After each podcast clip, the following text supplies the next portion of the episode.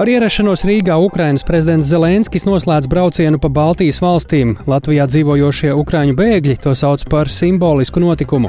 Tas ir morāls atbalsts visai ukraiņu tautai un pirmkārt tiem ukraiņiem, kas pat labāk dzīvo Latvijā. Radījumā pēcpusdienā jau to daļu pieslēgšanās Zelenska sagaidīšanai un cita jaunākā informācija. Pēdējās dienās jau otrā slepkavība, par kuras veikšanu aizturēts pusaudzis. Jūrmalā uz ielas naktī atrasts sadurts 13-gadīgs jaunietis. Viņš gājis bojā pirms mediķu ierašanās. Deviņgadīgās meitenes Agotas nolaupīšanas lieta Kaunijā satraukusi arī bērnu vecākus Latvijā. Kā skolās tiek domāts par bērnu drošību? Arī par to plašāk raidījumā pēcpusdienā kopā ar mani Tāli Eipuru.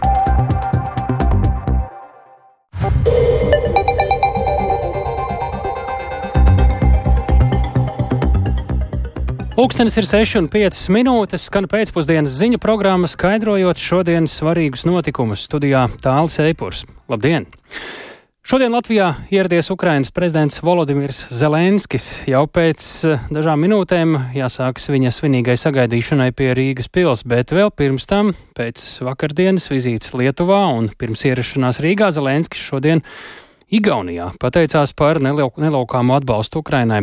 Viņš pēc tikšanās ar Igaunijas valsts vadītājiem arī uzsvēra, ka šobrīd nav īstais laiks runāt par pamieru, jo tas kalpotu Krievijas interesēm un palīdzētu agresoram kompensēt zaudējumus. Пауза на полі бою на території України це не є пауза війні. Це не говорить про те, що це припинення війни. Pamieris Ukrainas teritorijā tas nav miers kara izpratnē. Tas nenozīmē, ka karš beigsies. Tas arī nedod iespēju politiskam dialogam ar Krievijas federāciju. Šī pauze palīdzēs Krievijas federācijai. Tā nav nejaušība, ka viņi cenšas no Irānas iegādāties bezpilota lidaparātu Šahed un risina sarunas ar Ziemeļkoreju. Kāpēc viņi to dara? jo nevar tikt līdzi, viņu noliktavas tukšojas. Bet, ja būs pārtraukums un Krievija iegūs divus vai trīs gadus, tad viņi var atgūt spēkus un iegūt virsroku kaujas laukā. Nu, Tā Ukrainas prezidents Volodimirs Zelenskis eh, šodien Tallinā. Bet eh, Igaunijas prezidents eh, preses konferencē minēja, ka no kara sākuma līdz 2027. gadam Igaunija atbalstīs Ukrainu ar dažādu palīdzību kopumā jau 1,2 miljārdu eiro apmērā. Ukraina no Igaunijas saņēmusi jau 17 palīdzības pakešu. Kā piebilda Karis, karam jābeidzas ar Ukrainas uzvaru, taču kara iznākums ir atkarīgs no sabiedroto spējas saglabāt vienotību. Bet šobrīd, lai vērtētu Ukrainas prezidenta Baltijas valstu apmeklējuma nozīmi, pie mūsu klausulas ir Austrumēropas politikas pētījuma centra pētnieks Armāns Astokevičs. Labdien! Labdien! Nu, Zelenska Baltijas brauciens šo pēcpusdienu paredzams, ka noslēgsies, un no izskanējušajiem paziņojumiem, ko varam secināt arī, cik šāda vizīte ir simboliska un cik liela varbūt arī tās praktiskā nozīme. Nu, Pirmkārt, vizīte noteikti ir ļoti nozīmīga un simboliska. Tādā ziņā, ka šī ir arī pirmā Zelenska ārvalstu vizīte šogad. Un tas, ka tā ir Baltijas valstu vizīte, noteikti nav sakritība. Jo Baltijas valsts ir bijušas pirmās, kas nelokāmi un nevilcinoties ir atbalstījušas Ukrainu un turpina to darīt joprojām. Līdz ar to šādā ziņā arī šis sabiedrības atbalsts un valsts atbalsts Ukrainai ir ļoti nozīmīgs. Uh, tādā veidā tā ir ļoti nozīmīga pateicība un, un, un skaidrs žests. Bet, protams, arī gan politiskā, gan praktiskā līmenī vizītē ir ļoti liela nozīme. Šobrīd Ukrainai starptautiskā līmenī tiek risināti dažādi veidi jautājumi gan par iestāšanās sarunām Eiropas Savienībā, gan turpmāku integrāciju potenciāli NATO, gan arī, protams, finansiālo atbalstu, kur Baltijas valstīm ir liels vārds un kur nu, tās var šo atbalstu sniegt. Nu, brīdī, kad Ukraina, Ukrainā ir arvien lielāks bažas par starptautiskās palīdzības saņemšanu, gan militārās, gan finanšu, kas ir tas atbalsts, ko Ukrainas prezidents šobrīd jau varbūt pat pietiekami konkrēti meklē Baltijas valstīs, kuras jau pašas vairāk nekā labi saprot un proaktīvi darbojas, kā jau jūs pieminējāt Ukrainas atbalstam. Kas ir tas, ko viņš šeit varbūt arī konkrēti mēģinātu panākt, vai arī to mēs nemaz varam arī neuzzināt publiski? Ne, nu, Pirmkārt, jau šī minētā starptautiskie formāti, kur Baltijas valsts var sniegt atbalstu, un, un to arī šobrīd jau ļoti proaktīvi dara. Bet otrām kārtām arī tīri praktiski reģionālā līmenī Baltijas valsts un Ukrainas sadarbība ir ļoti nozīmīga. Mēs jau dzirdējām gan par Lietuvas, gan, gan Igaunijas paziņojumiem par atbalstu.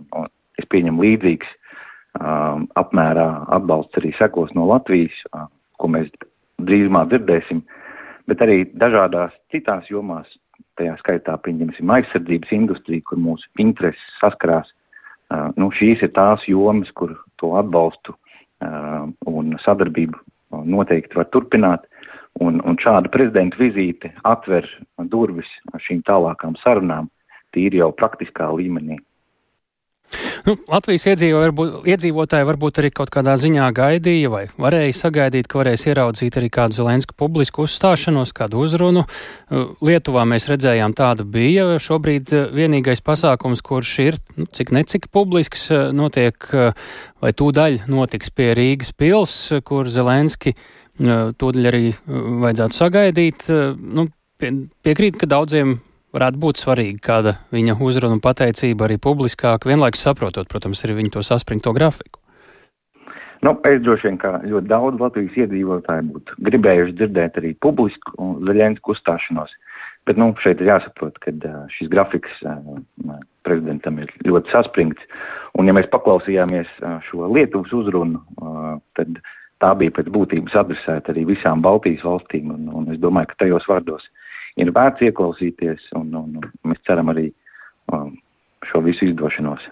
Nu, te arī blakus jānoliek tas, ko teicāt sarunas sākumā, ka tieši Baltijas valstis, tā skaitā arī Latvija, ir pirmās, kurp dodas Ukrainas prezidents šī gada ārvalstu vizītēs. Sakām lielu paldies par sarunu Austrum Eiropas politikas pētījuma centra pētniekam Armandam Astukevičam. Te arī jāpiebilst un jāatgādina, ka kopš Krievijas iebrukuma Ukrainā Latvija ir sniegusi nozīmīgu atbalstu Ukrainas valdībai un iedzīvotājiem, un atbalsta apmērs ir pārsniedzis 1% no Latvijas iekšzemes koprodukta. Šobrīd jau pēc uh, dažiem mirkļiem vai vairākām minūtēm Ukrainas prezidentam būtu jāierodas pie Rīgas pils. Uh, viņa ierašanos uh, Rīgā šeit dzīvojošie ukraiņu bēgļi sagaida ar saviļņojumu un saka, ka tā viņiem ir liels morālais atbalsts. Tā kolēģim Viktoram Demidovam šodien atzina Ukrainas boršča virtuves pārstāvis. Я очень рада, что наш президент посещает Латвiju. Это поддержка. Esmu ļoti priecīga, ka mūsu prezidents viesojas Latvijā. Tas ir morāls atbalsts visai Ukraiņu tautai un pirmkārt tiem Ukraiņiem, kas pat labāk dzīvo Latvijā. Es atbalstu viņu un viņa politiku. Viņam ir ticis ļoti grūts laiks. Es domāju, ka pat labāk viņš pienācīgi tiek galā ar saviem pienākumiem. Что-то родное, что-то свое приехало, поэтому и тревожность, и радостно. Ir atbraucis kaut kas tuvs, radniecisks, tāpēc sajūtas ir gan trauksmainas, gan priecīgas. Mēs mājās pārunājām, ko nozīmē šī viņa vizīte. Visdrīzāk tā ir pateicība Latvijas tautai. Un mēs no savas puses vēlamies pateikt lielu paldies, ka tik maza valsts dod tik daudz palīdzības, siltuma un galu galā darba, arī māca mūsu bērnus. Я искренне надеюсь, что после этого визита, возможно, помощь военная, помощь гуманитарная все-таки станет больше. Es patiesi ceru, ka pēc šīs vizītes militārā un humānā palīdzība palielināsies, vai arī būs kaut kādi jauni projekti, kas palīdzēs vākt līdzekļus. Pat laban palīdzības ir daudz, bet tās nepietiek, lai situācija manāmi virzītos kara beigu un mūsu uzvaras virzienā. Vai ir kas tāds, ko jūs vēlētos Zelenskim pateikt vai nodot? Я ему бы хотела пожелать, чтобы у него была хорошая, такая splačoная. Es vēlētos novēlēt, lai viņam būtu laba saliedēta komanda, kurai būtu viens redzējums un mērķis, un lai katrs strādātu par uzvaru, nevis par personīgām interesēm. Ну, мое мнение, любая война заканчивается переговорами. Да, это сложно. Manuprāt, jebkurš karš beidzas ar pārunām. Jā, tās norit grūti. Ukrainas karā pārunas beigu beigās notiks, bet es vēlētos, lai tās notiktu agrāk, lai mazāk ietu bojā cilvēki.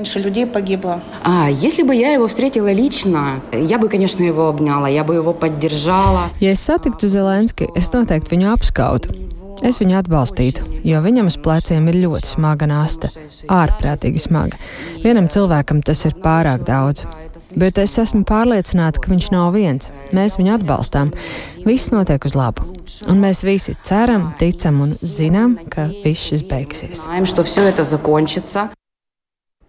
Tālūk, šodien kolēģim Viktoram Dmīdovam atzina Ukrainas boršķa virtuves pavāris, gaidot šeit Rīgā ierodamies Ukrainas prezidentu Valdimir Zelenski. Tagad jāsaka, ka, lai arī šobrīd jau bija paredzēts, ka sākas viņa sagaidīšanas ceremonija pie Rīgas pilsētā, šobrīd kavējas, un tā jāsaka vēl pavisam nesen. Burtiski mēs skatījāmies viņa preses konferences tiešraidi no Igaunijas, tā kā grafiks saspringts, un viņš eh, joprojām ir ceļā un tuvojas eh, Rīgas pilī. Te arī jāatgādina, ka pulksteni 17,5 minūtēs tūdaļ pēc ziņām gaidāms Latvijas radio speciāla izlaidums, kurā Ukrainas prezidenta Valdimira Zelenska vizīte Latvijā Ar ekspertiem kopā apspriedīs kolēģi Aits Tomsons un Edvards Liniņš, un šīs pārraides laikā arī notiks pieslēgšanās eh, tiešraidē no Zelenska preses konferences Rīgā. Nu, tur jāskatās, kā ar laikiem redzams, ka nedaudz eh, ievelks šīs vizītes plāni. Un eh, gaidot arī mūsu pieslēgšanos Rīgas pilī, mēs šobrīd dodamies uz Ukrainu, jo tur karš un traģēdijas pavisam reāli turpinās. Simtiem iedzīvotāju, spītējot gaisa trauksmei, šodien pulcējās Kijivas Maidana laukumā, lai pēdējā gaitā izvadītu 33 gadus veco karavīru un dzinieku Maksimu Krivcovu. Viņš pirms dažām dienām, 7. janvārī, krita frontē.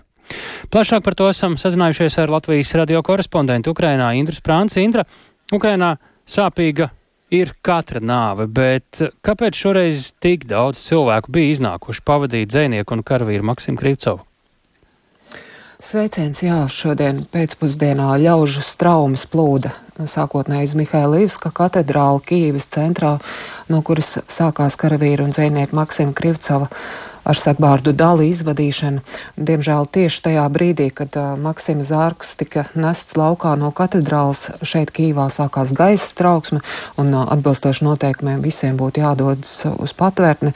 Bet uh, neskatoties uz šo te trauksmi, simtiem cilvēku lielā, lielais pulks palika uz vietas un palika kopā ar Maksimu viņu izvadīt pēdējā gaitā līdz Maidana laukumam.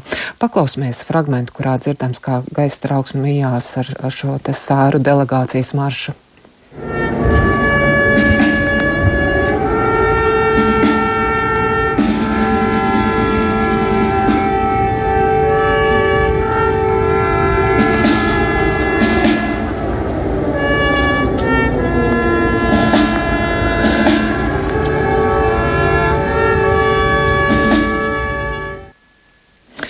Jā, un pavadīt frontē nogalināto dzinieku bija ieradušies armijas biedri, liels skaits tuvinieku un arī vienkārši cilvēki, kas bija atnākuši tādējādi izrādīt viņam cieņu. Uz acu man likās, ka tie varētu būt vairāk simti cilvēki, taču atsevišķi Ukraiņu mediju vēst, ka bija ap tūkstot cilvēku sanākuši. Un ceļā līdz Maidana laukumam tika slēgta satiksme un uz turienu visa sēra de delegācija tika pavadīta pa skaļruņiem atskaņojot Maksima dzēju. Tur skanēja dzējoļi gan no frontes ikdienas, gan arī dzējoļi par bučā noslapkavotajiem cilvēkiem, un tas bija tāds ļoti emocionāls brīdis. Daudz cilvēki garām gājēji krita ceļos brīdī, kad sēru delegācija devās garām. Tā Ukraiņu godina bojā gājušos karavīrus, kas atdod savas dzīvības par to, lai Ukraiņa šobrīd vēl būtu un turpinātu pastāvēt, un dzīve Kīvā šeit turpinātos daudz maz normālos apstākļos. Maidana laukumā dzēnieks zārks tika atvērts, un tur ik viens varēja atvadīties no Maksima, viņš bija Ukrainā labi zināms dzēnieks, viens uh, no viņa izdevuma uzdevumiem arī pagājušā gadā tika atzīts par vienu no labākajiem Ukrainā. Maksims Krivcovs karoja jau kopš 2014. gada. Viņš bija aktīvs pašcieņas revolūcijas, jeb Eiromaidana dalībnieks, un jau 2014. gadā, kad Krievija pirmo reizi šādā formā iebruka Ukrainā, devās uz fronti kā brīvprātīgais un cīnījās Ukrainas brīvprātīgo bataljonu labai, labējais sektors sastāvā kopīgi ar vēl vienu nu jau nogalināto Ukraiņu karavīru leģendu ar sagvārdu Da Vinči, viņa vienību. Līdz 2019. gadam viņš bija vecākais ložmetējnieks Ukrainas zemesardzes ātrās reaģēšanas brigādē. Vēlāk tika demobilizēts, tad darbojās karavīru rehabilitācijas centrā, bet sākoties Krievijas pilsētā pilna apmēra iebrukumam 2022. gadā atgriezās frontē, un visu šo laiku paralēli viņš turpināja rakstīt dzējojus, un kā šodien atzīmē daudz cilvēku Maidana laukumā, Maksima nāve ir liels zaudējums Ukrainai. Paklausīsimies fragmentu, kurā Maksima raksturo cilvēku šeit Maidana laukumā. Є різні люди, і люди, які як пісок, вони майже не лишають по собі сліду. Ir dažādi cilvēki. Ir cilvēki kā smiltis, neatstājies sevis pēdas. Ir cilvēki kā akmeņi, uz viņiem var paļauties, bet Maksims bija cilvēks saule. Tāds viens galaktikā vai visā visumā. Або й на цілий всесвіт. Es pazinu viņu personīgi. Es domāju, ka daudzi viņu pazina personīgi, jo viņš bija ļoti plašu dvēseli. Kad man kaut ko vajadzēja, es varēju vērsties pie viņa, lūgt izmantot viņa lietas. Nezinu, par viņu nevar pateikt, ka viņam būtu bijis kāds ļaunums. Atklāta, tīra dvēsele. Piebildīšu, ka daudz sanākušie šodien atvedīties bija ieradušies ar ziliem, bizbulīšu krāsas ziediem, un viens no Maksima pēdējiem dzējoļiem bijis par to, kā viņš pats tiek nogalināts un gaida pavasari jo pavasarī viņš uzplaukšot kā vizbulīte. Un šo viņa dzējoli arī latviešu valodā atzējojas tulkotāja Māra Poļakova. Viņa to publicējas Twitterī, jeb sociālajā tīklā X. Tas man būtu viss. Paldies Indrai Sprāncei, ziņojot no Ukrainas tur. Simtiem iedzīvotāju spītējot gaisa trauksmē šodien pēdējā gaitā pavadīja 33 gadus veco karavīru un zvejnieku Maksimu Krīvcovu. Bet situācija Ukrainā šodien apspriež arī NATO galvenajā mītnē Briselē. Turp devies Latvijas aizsardzības ministrs Andris Sprūts no progresīvajiem viņiem. Šodien tikšanās ar NATO ģenerālsekretāru Jēnsu Stoltenbergu, kā arī ar vairākām citām amatpersonām. NATO galvenajā mītnē atrodas arī mūsu korespondents Arķams Konohovs, kur jau Tā tad mēs arī varam vaicāt viņam, vai, ja viss ritēs kā plānots, aizsardzības ministra saruna iznākums jau ir zināms. Arķom, Kāda šobrīd ir situācija? Jā, tik tiešām. Šobrīd es atrodos NATO galvenajā mītnē. Sarunas ministram jau ir noslēgušās. Viņš ir ticies gan ar Jensu Stoltenbergu, NATO ģenerālsekretāru, gan arī ar ASV patstāvīgo pārstāvi šeit, gan arī ar vairāku citu valstu diplomātiem un arī ar citām militārām amatpersonām, kas arī ir NATO. Tad pietiekami plaša programma un Varētu teikt, ka jautājums varētu sadalīt divās daļās. Tik runāts gan par Ukrainu, gan arī, protams, par NATO iekšējo drošību, par austrumu flanga, par Baltijas valstu drošību, par to, kas notiek Latvijā. Ja runājam par to, ko mēs vēl varētu darīt, lai palīdzētu Ukrainai, jo, kā zināms, šāda aicinājuma izskan regulāri, un tostarp arī no Ukrainas prezidenta, kas tagad viesojās Baltijas valstīs, arī viņš ir aicinājis nekavēties ar ieroču piegādu un tiešām turpināt sniegt atbalstu. Tad uz jautājumu, ko Latvija var darīt vairāk, aizsardzības ministrs Andris Prūts ir licis uzsvaru faktiski uz divām daļām. Viens ir praktiskais atbalsts un militārā rūpniecība, un otrs ir eh, jautājums par diplomātiskajiem centieniem. Paklausīsimies! To, ko mēs varam darīt tieši tā, pārliecināt savus sabiedrotos, ko mēs arī darām. Noteikti pārliecināti ir par to, ka mums tiešām ir jābūt gataviem ar ilgstošam konfliktam ar Krieviju kā agresoru valsti. Un, protams, ka šeit ir ļoti svarīgi ne tikai, ka mēs piegādājam to, kas mums ir pieejams, bet arī attīstam jaunas kapacitātes. Šeit ļoti svarīga ir militārā industrija, ka mēs skatāmies arī veids, kā mēs varam arī paplašināt un padziļināt šo sadarbību un atbalstu, piemēram, veidot arī konkrētas koalīcijas. Viena no tādām ir Latvija šobrīd veidotā ir drona koalīcija kopā ar Ukraiņiem un kopā arī ar mūsu citiem sabiedrotajiem. Un, protams, jāatgādina, ka šogad arī aprit 20 gadi kopš Latvija ir iestājusies, uh, iestājusies NATO, un tas arī pats par sevi, protams, ir zīmīgs fakts, un šī vizīte arī notiek uh, zināmā mērā arī šādā gaismā. Jā, ar ķau šodien Eiropas Savienības iekšējā tirgus komisārs Ķerī Bretons ir atklājis, ka bijušais ASV prezidents Donalds Trumps vēl esot amatā, viņa paša klātbūtnē ir sacījis, ka Amerika nekad neies palīgā Eiropas valstīm, ja tām uzbruks. Un Nu, tad NATO noteikti šāds teikums ir jāņem vērā, un Trumps arī solīja izstāties no NATO vai šīs atklāsmes, un kā atbalsojas arī NATO. Protams, par to daudz tiek runāts Briselē, dažādos gaitiņos, vairāk neformāli nekā formāli, un uh, var saprast arī, ka nojaust, ka Bretons ir izmantojis šo uh, argumentu, šo stāstu. Uh, lai motivētu Eiropas valstis aktīvāk ieguldīt savā aizsardzībā. Visticamāk, tāds ir bijis arī viņa plāns, un arī, ka Eiropas Savienībā vajadzētu darīt vairāk, lai ieguldītu militārajā rūpniecībā un aizsardzības spēju spēcināšanā. Bet es vaicāju arī Sprūdam, aizsardzības ministram, ko viņš domā par šiem izteikumiem un cik lielā mērā mēs varētu paļauties uz to, ka Amerika tiešām pildīs to, ko tā ir solījusi, cevišķi ņemot vērā, ka Trumpa atgriešanās pie varas ir ļoti iespējams iznākums gada nogalē gaidāmajām ASV prezidenta vēlēšanām. Un atbildot uz šo jautājumu, aizsardzības ministrs ir teicis, ka būtu vairāk jāskatās uz darbiem nekā uz vārdiem. Paklausīsimies!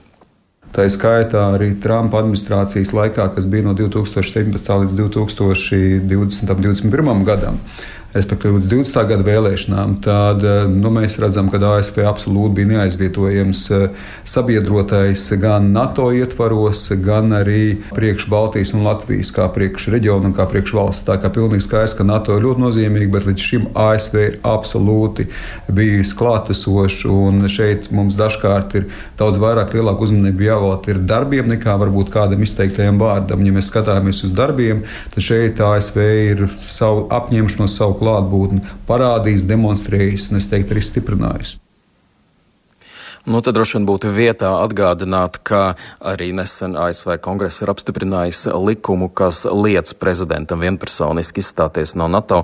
Līdz ar to tas, tāds papildu drošības garantijas tam, ka uh, vienpersoniski nekas tāds nevarētu notikt. Paldies Arčumam Konakovam tiešraidē no Briseles, kur šobrīd uzturas Latvijas aizsardzības ministrs Andris Sprūts. Šobrīd mēs redzam, ka Ukrainas prezidents Valdemirs Zelenskis eh, joprojām vēl nav ieradies pie Rīgas pils, ka viņš tikko, tikko ir sagaidīts arī Eh, lidostā Rīga, tas jau ir zināms. Eh, šobrīd pie Rīgas pils eh, mēs redzam arī ir jau visi sagatavojušies tiešraides sagaidīšanai, un pa vanšu tiltu var redzēt, ka jau dodas mašīnas ar bāku gunīm, līdz ar to jau kuru katru mirklī Ukrainas prezidents ierodas. Tikmēr, kamēr mēs gaidām reportāžu tiešraidē no Rīgas pils pievārtis, mēs turpinām ar vietējām Latvijas ziņām. Būtisks izmaiņas no nākamā gada skars smēķētājus. Likums liekas iegādāties cigaretes cigaretes, dažādus tabaks izstrādājumus, kā arī smēķēt līdz 20 gadu vecumam. Tāpat no nākamā gada aizliegti visa veida aromatizētie tabakas aizstājēji produkti, izņemot tādus, kas rada tabakas smaržu vai garšu. To paredz būtiskas un vairākus gadus gatavotas un ilgstoši diskutētas likuma izmaiņas. Saima gala lēmumu par to šodien pieņēma nepilnā pusstundā. Vienīgā doma apmaiņa izvērtās par ieceri pašā saimā arī turpmāk saglabāt smēķētavas. Pār smēķēšanas ierobežojumiem vairāk Jāņa Kīņša ierakstā. No nākamā gada smēķējumus produktus iegādāties un lietot drīkstēs nevis no 18, bet no 20 gadu vecuma. Četrus gadus ilgajās apspriedēs saimā figurēja arī iespēja atļaut smēķēt no 21 gada vecuma, taču šādu priekšlikumu neatbalstīja. Tāpat no nākamā gada Latvijā būs aizliegts tirgot elektronisko smēķēšanas ierīču šķidrums un tabakas aizstājēju produktus ar aromatizētājiem, izņemot ar tabakas smaržu vai garšu. Aromatizēto smēķējumu produktu popularitāti bērnu un jauniešu vidū pirms nepilna gada saimas Sociālo un darba lietu komisijas sēdē izklāstīja Latvijas Sabiedrības veselības asociācijas valdes locekle Ivete Pudule. Jo mēs tā priecājāmies, ka mums iet uz leju parasto cigarešu smēķēšana, bet, diemžēl, elektronisko cigarešu bums, un no, mēs pat neesam aptvēruši tās vecuma grupas. Starp 11 gadīgiem parasto cigarešu smēķēšanu nu gandrīz nav, bet tagad mēs dzirdam no skolām, ka būtu jāaptver jaunākas grupas, ka jau 9 gadīgo starpā tie jau smēķē elektroniskās cigaretes. Tā, kā, tā tiešām ir dramatiska problēma un tieši bērnu populācijā. Saimā pieņemtās likuma izmaiņas skar skars visplašāko beztabakas produkcijas klāstu. Veselības ministrijas veselības veicināšanas un atkarību profilakses nodaļas vecākā eksperte Sanita Lazdeņa portālam LSM skaidrojusi, ka aizliegums likumā no nākamā gada attieksies gan uz vienreiz lietojamām elektroniskajām cigaretēm, piemēram, salta, kos vai kristālu, gan arī atkārtot uzpildāmām elektroniskām cigaretēm vai veipiem. Šāds saimas lēmums ir maz balstīts datos, bet emocijās un sajūtās. Ir ignorēta citu valstu pieredze, kur beztabakas produktu aromāti ir aizliegti, bet nepilngadīgo piekļuvi tiem nav mazinājusies. Aizliedzot šos produktus tirgot oficiāli, arī Latvijā uzziedēs pelēkais tirgus internetā, pārliecināts ir beztabakas produktu asociācijas pārstāvis Emīls Ozoliņš. Nepilngadīgie jau šobrīd šos produktus iegūst eh, divu galveno divu iemeslu dēļ, tāpēc, ka pirmkārt tas ir lētāk internetā, jo tur nu, netiek nomaksāta akcijas. Otrkārt, eh, nu, vecuma ierobežojums, jā, kurš jau šobrīd eksistē legāls tirzniecības vietas netirgo nepilngadīgiem. Un, eh, protams, valsts budžets zaudēs kaut kādus x desmitus miljonu darba vietas un vispārējais, ja, jo šis te nelegālais tirgus vienkārši izkonkurēs legālo. Ja ir uh, legāls veikals, kurš tirgos, nezinu, divus produktus ar tabakas garšu, tad uh, nelegālajā tirgu, kurš jau šobrīd ir plaši izplatīts, viņam pievienosies Tur šobrīd ir liels klientu lokus ar nepilngadīgiem, viņiem pievienosies arī pilngadīgie, kā tas ir piemēram Somijā. Grozījuma likumos gan paredzēs arī naudas sodu par tabakas saistājai produktu aprits regulējumu pārkāpumiem, piemēram, to tirgošanu un iegādi internetā. Saimas sēdē gan šos jautājumus neapsprieda. Vienīgās debatas un tām sekojošs sadrumstalots balsojums bija par apvienotā saraksta frakcijas deputāta Ingmāra Līdakas priekšlikumu saimā un ministru kabinetā saglabāt smēķētavas. Pie īpaši niknām bitēm tomēr jāņem līdzi ir nomierināšanai dūmu kanna. Un es šeit arī neizklāstīšu vairāk par to, cik ļoti pedagoģiski un saimu prezentējoši izskatās nu, teiksim, bariņš, apsniguši, pīpējoši deputāti pie barikāžu pieminekļa. Lai kāds arī būtu šis balsojuma rezultāts, neviens no mums neiegūs nekādu politisko kapitālu. Bet krietnam pulcņiem cilvēku varbūt paliks sirdī zināms rūkums. Debašu turpinājumā izskanēja gan atbalsts meķētavu saglabāšanai saimā, gan arī nosodījums par šādu ieceri, kas nerādīšot priekšzīmi citiem. Turpina jaunās vienotības frakcijas deputāta Ainārs Latkovskis un Gatis Liepiņš. Mēs ar Līdekas kungu esam pazīstami jau kādu laiku no studiju gadiem dzīvojot vienās Latvijas universitātes kopmītnēs. Līdekas kungs smēķēja tad, viņš smēķēja zooloģiskajā dārzā, viņš smēķēja arī saimā. Mēs viņu nesalauzīsim. Smēķēt vienkārši uz desmit metrus no saimnes ir vēl riebīgāk nekā saimai uzturēt normālu telpu, kur to tiešām var darīt šeit iekšā. Cilvēks ir iracionāla būtne, tā kā viņš norāda citiem, kas viņam būtu jādara. Viņš ir ļoti nasks, bet tai pašā laikā, kad ir runa par mums pašiem, par saimnes smēķētavu, nē, Mēs turpināsim to darīt, tā kā mēs to darījām līdz šim. Vienlaikus jau no 1. augusta arī uz elektroniskām smēķēšanas ierīcēm un tabakas karsēšanas ierīcēm attiecinās tādus pašus reklamēšanas ierobežojumus, kādi attiecas arī uz tabakas izstrādājumiem. Apjomīgos likuma grozījumus kopumā atbalstīja 77 no 100 saimnes deputātiem, bet 4 atturējās. Jānis Kincis, Latvijas radio. Tātad eh, šobrīd mēs atkal pieslēdzamies eh, Ukrainas prezidenta Valdimira Zelenska vizītē Rīgā. Tātad eh, pēc vizītes Lietuvā un Igaunijā viņš šovakar ierodas Latvijas valsts galvaspilsētā, lai tiktos ar augstākajām amatpersonām, bet tieši šobrīd arī jāsākas pavisam drīz jau Ukrainas prezidenta sagaidīšanai pie Rīgas pils. Tieši tur šobrīd arī jau atrodas uh, mūsu kolēģis Rihards Plūme. Viņš ir gatavs pastāstīt vairāk par Zelenska vizīti Latvijā. Sveiks, Rihard! Mēs jau dzirdam, ka šobrīd fonā skan arī orķestris. Tas nozīmē, ka jau to daļu, to daļu burtiski tuvākajās sekundēs, minūtēs Zelenskim arī ir jāierodas pie Rīgas pils. Arī ir iznācis ārā valsts prezidents Edgars Ninkēvičs. Viņu šobrīd jau sagaidīt. Sveiks, Rihard!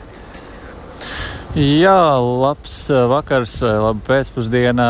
Tieši, ja tā varētu teikt, laikā esam pieslēgušies šeit Rīgas pilī, kur arī es atrodos. Tieši šobrīd arī redzu, kā Zelenska konvojs tik, tikko nobrauc arī no Vanču tilta, tūlīt jau brauks zem tā, un tad arī piebrauks pie Rīgas pils.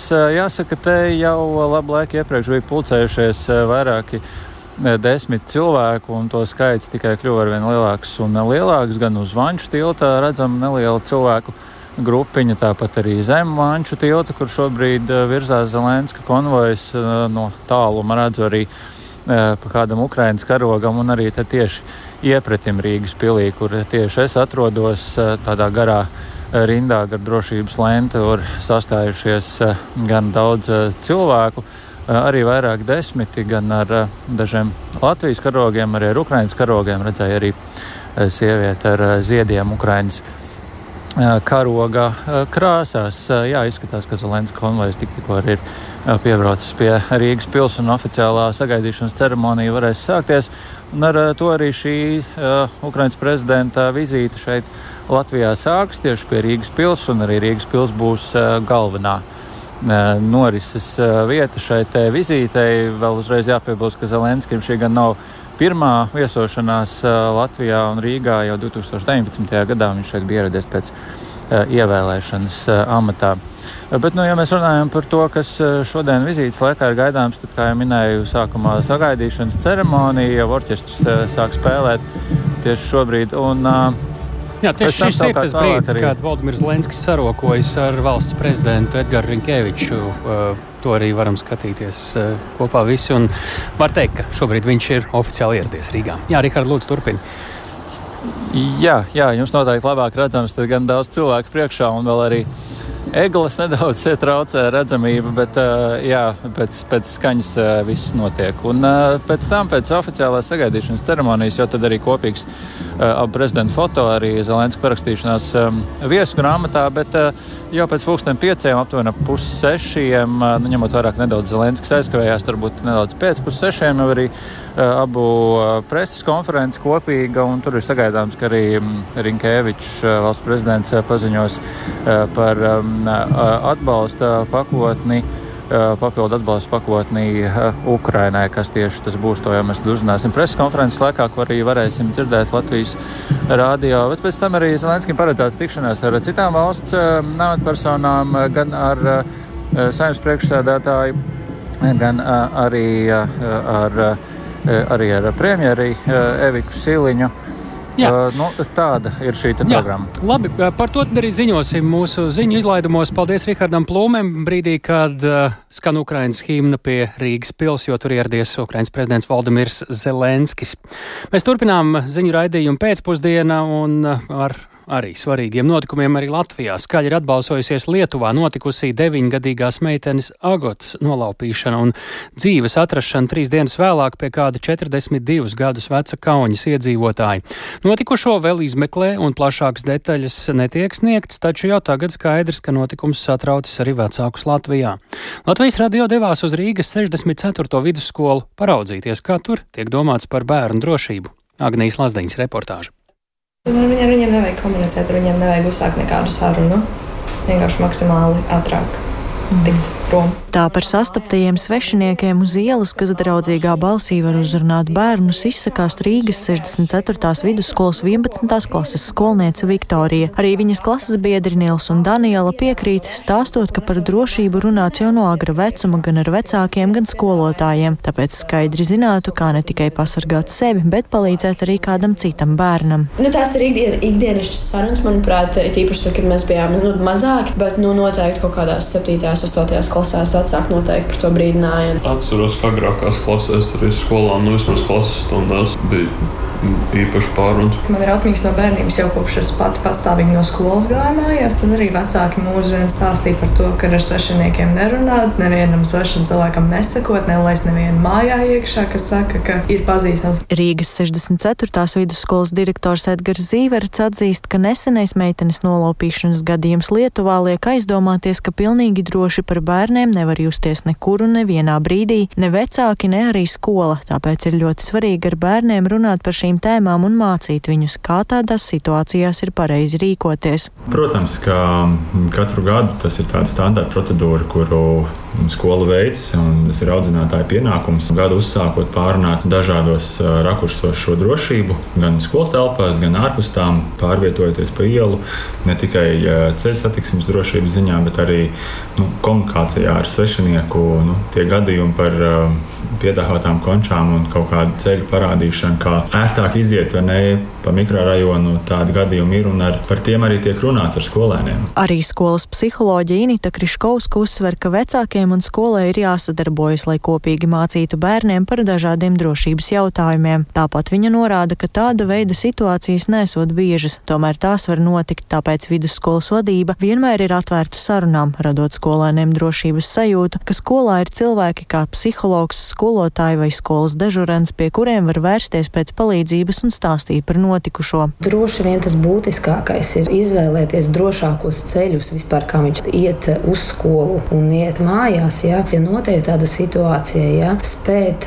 kā, norēģēt un nepiekrist kāpt mašīnā, paņemt konfekti nu, vai kaut kur doties, vērsties pie tuvākā kaut kāda pieaugušā, kas varētu būt drošs. Nu, tas ir kā policists, un, protams, ja viņš redz, bet arī, piemēram, jebkāda māmiņa ar bērnu uz ielas, kurš var palīdzēt un iesaistīties šī situācijā. Tas, laikam, būtu tas primārais. Protams, ja jau tev ir auja mašīnā, tad vienkārši tad ir skaļi jākliedz, jārada nu, tas troksnis, lai kāds mani vispār sadzird. Ja, tad jebkurš var sadzirdēt un nākt palīgā. Arī vecāku organizācijas mamām un tētiem vadītāja Inga Akmentiņa Smildziņa norāda, ka galvenokārt vecākiem ir bērniem jāmāca, ka ar svešiem pieaugušiem uz ielas nav vispār jāsarunājas, jo pieaugušiem jautājumi ir jāuzdod citiem pieaugušiem, ne maziem bērniem. Līdz ar to arī līdz sarunām par konfekšu iedošanu vai došanos līdzi nebūtu jānonāk. Agnija Lazdiņa, Latvijas radio.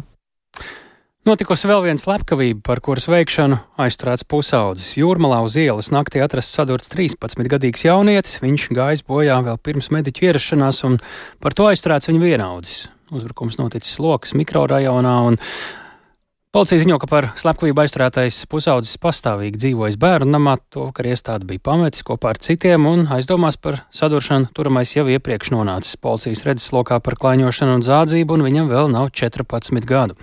Ša, šo, šī dažu dienu laikā ir jau otrā slepkavība, par kuru aizturēta pusauģi, un Latvijas radio jau vēstīja par sestdien Reizeknē notikušu slepkavību, par kuru aizturēta trīs pusauģi. Bērnu un jauniešu vardarbību aktualizēja arī pavasara notikumi Rīgā Imantā, un Šobrīd tāpēc pie mūsu klausulas ir biedrības, kas darbojas ar sociālā riska grupas jauniešiem. Resiliences centrs valdes loceklis Kārlis Mednieks. Labdien! Labdien! Nu, mēs lasām, ka aizturētie dzīvojuši Urmalā sociālās aprūpas un rehabilitācijas iestādē. Lasām arī, ka Rēzeknē augustā likts samazināt sociālā dienesta amatvietu skaitu. Lasām, ka Tieslietu ministrija rosinājusi atteikties no drošības līdzekļa pusauģu ievietošanas sociālās korekcijas izglītības iestādēm. Tie varbūt it kā nejauši virsraksti, taču ko šādā kontekstā jums uh, gan arī šīs slepkavības, gan šīs ziņas, gan arī jūsu pašu pieredze liek domāt par šiem konkrētajiem gadījumiem un par šādu problēmu jauniešu pieskatīšanas sistēmu kopumā? Jā, uh, nu, pirmkārt, ko es gribu teikt, ļoti skumji, ka šie notikumi ir notikuši un, un, un varam tikai izteikt līdzjūtību teiksim, tā, ģimenēm par situāciju kopumā jāsaka tā, ka, uh, godīgi sakot, nekas jauns tas nav, ka tā agresija pusauģu starpā ir un kad viņi aug ar vien vairāk. Par to jau nevelti to arī šobrīd ir uh, publiski ar vien vairāk. Uh, teiksim, tā, izteikuši, gan arī gan radio to ir izteikuši skaļāk, gan arī par to runā uh, ministrijās. Arī zinu to, ka tiek gatavots uh, teiksim, tā, jauns projekts uh, tam, kā, kā, kā darboties ar šiem jauniešiem. Bet tas, tas, par ko es aizdomājos, lasot ar LSM rakstu, uh, problēma jau ir jāskatās no tās puses, uh, kāda ir resursi pašvaldībām, kādas vispār ir iespējas laicīgi uh, diagnosticēt vai identificēt šos jauniešus, kuri uh, ir kā risks sabiedrībai un jautājums, ko ar viņiem var darīt. Jo, kā no raksta varam saprast, un notikušā, tad uh, jaunietis iepriekš ir nonācis policijas redzes lokā, un jaunietis ir, ir bijis uh, policijas nosauktajā uh, bērnu namā. Tad uh, jautājums būtu, vai šim jaunietim bija pieejami pakalpojumi, kādi pakalpojumi viņam tika piemēroti, lai laicīgi ar viņu sāktu strādāt, lai iespējams varētu izvairīties no šādiem starpgadījumiem. Pēc šādiem diviem nu jau ļoti skaļiem, īsā laikā traģiskiem gadījumiem, te būtu jāsāk, jāsako kādai konkrētākai rīcībai, vai no kā, jo nu, to nevar nepamanīt arī, protams. Es teiktu, ka rīcība, jā, nu, rīcība šobrīd jau notiek, jau pie tā tiek strādāts, un skaļāk par to tiek runāts. Tas, tas kas ir, nu, tas ir nedaudz jāsaka novēloti vai varēja gan būt ātrāk. Pie tā noteikti uzmanība ir pastiprināta, jāpievērš pašvaldībām un ar to ir jāstrādā. Pašvaldību līmenī ir jāstrādā pie tā, lai risinātu šos jautājumus, kādas pakalpojumus šiem jauniešiem piemērot, piemērot atbalsta personas, piemērot rehabilitācijas programmas. Strādāt ar viņiem un neatstāt viņus aiz borta, lai viņi mm -hmm. nepaliktu tādās kompānijās, kā tika minēts, braukt uz Rīgu un, un, un, un tusētos. Un, un atgriežoties izdarīt vēl kādas briesmīgākas lietas. Paldies par sarunu. To mēs sakām Kārlim Medniekam, kas darbojas ar sociālā riska grupu jauniešiem Resiliences centrā. Nu, šis arī galvenais šīs dienas raidījumā pēcpusdiena. Mēs uh, pirms brīža arī stāstījām, ka Rīgā ieradies Ukrainas prezidents Valdemirs Zelenskis un pēc svinīgās ceremonijas pie Rīgas pils šobrīd notiek arī viņa sarunas ar Edgars Rinkēviču. Zelenska vizītes gaitai sekojam arī mēs Latvijas radio ziņu dienestā, un tūdaļ jau pēc ziņām piecos gaidāms arī Latvijas radio speciāla izlaidums, kurā to ar ekspertiem apspriedīs kolēģi Aidis Tomsons un Eduards Liniņš, un šīs pārraides laikā arī notiks pieslēgšanās tiešraidē no Zelenska preses konferences Rīgā. Tam visam Latvijas radio viens tā tad varēsim sekot līdz tiešraidē, un to arī turpināsim analizēt rīt raidījumā Labrīt! No no rīta. Šis bija ziņu raidījums pēcpusdienā, tātad, un uh, to veidojām kopā mēs, Tāls Eipurs, Ilza Aginta, arī Renārs Šteimanis, Ernests Valds Fjodorovs, un, ja vēlties šo pārraidi noklausīties un ieteikt arī citiem, meklējiet to Latvijas radio mobilajā lietotnē. Nu, varat arī meklēt to uh, ierakstu raidierakstu platformās ar nosaukumu Dienas ziņas. Radījums pēcpusdienā arī rīt no rīta pēc ziņām 4 un 5. Yeah.